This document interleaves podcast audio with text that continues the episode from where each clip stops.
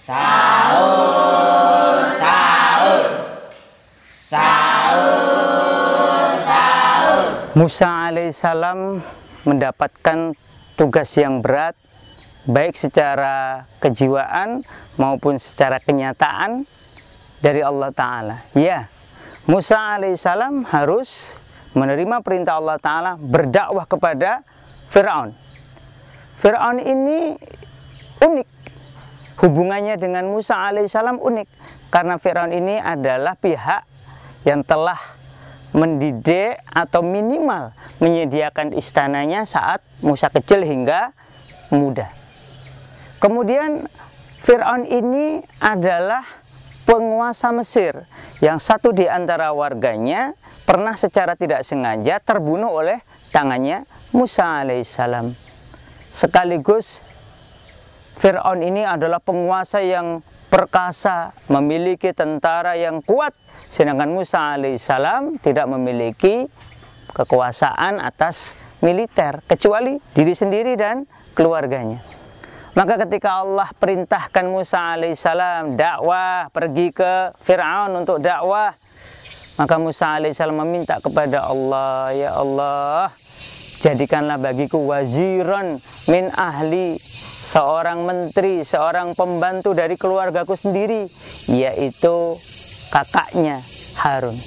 Jadi Musa alaihissalam meminta kepada Allah Ta'ala untuk membantu dakwahnya ini agar sampai kepada Fir'aun, agar sampai kepada Bani Israel, maka jadikanlah kakakku, saudaraku Harun sebagai wazirku. Maka Allah Ta'ala kabulkan permintaan dari Nabiullah Musa alaihissalam. Karena di sisi Allah wajihan, di sisi Allah Musa alaihissalam ini dekat, memiliki kedudukan yang istimewa. Ya, maka Allah Ta'ala jadikan Harun Nabi setelah Musa alaihissalam yang bertugas bersama-sama Musa alaihissalam berdakwah kepada Fir'aun.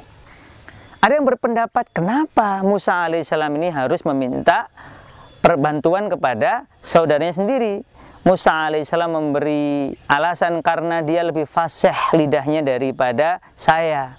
Ulama mengatakan kenapa lebih fasih lidahnya?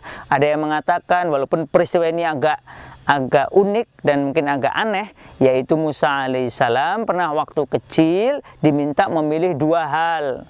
Maka dia waktu itu mau memilih kurma atau susu, ternyata diperintah atau diarahkan oleh malaikat untuk memilih bara api sehingga bara api itu masuk ke dalam mulutnya dan kemudian dia menjadi agak cedal. Allah alam bisawab.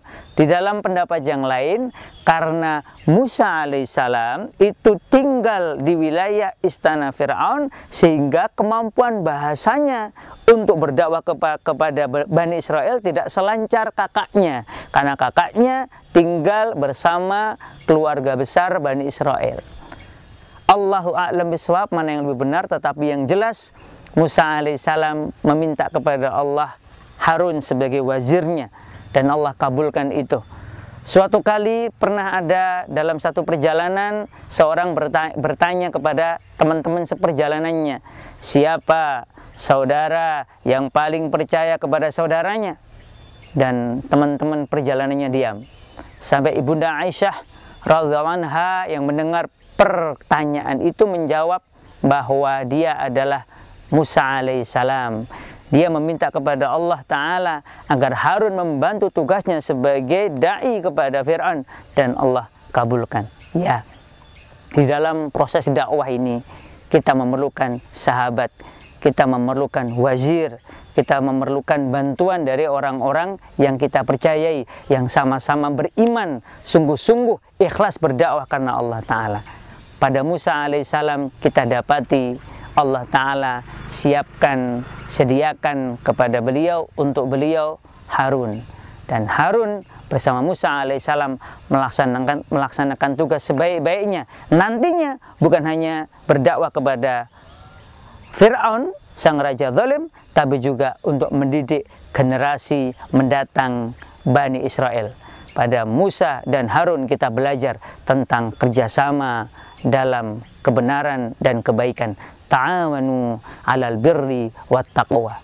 Ya, kita diperintah oleh Allah Ta'ala untuk saling membantu, saling menolong dalam urusan-urusan kebaikan dan ketakwaan kepada Allah Ta'ala. Sebagaimana Musa dan Harun alaihi salam mengajarkannya kepada kita semua. Sahur, sahur, sahur.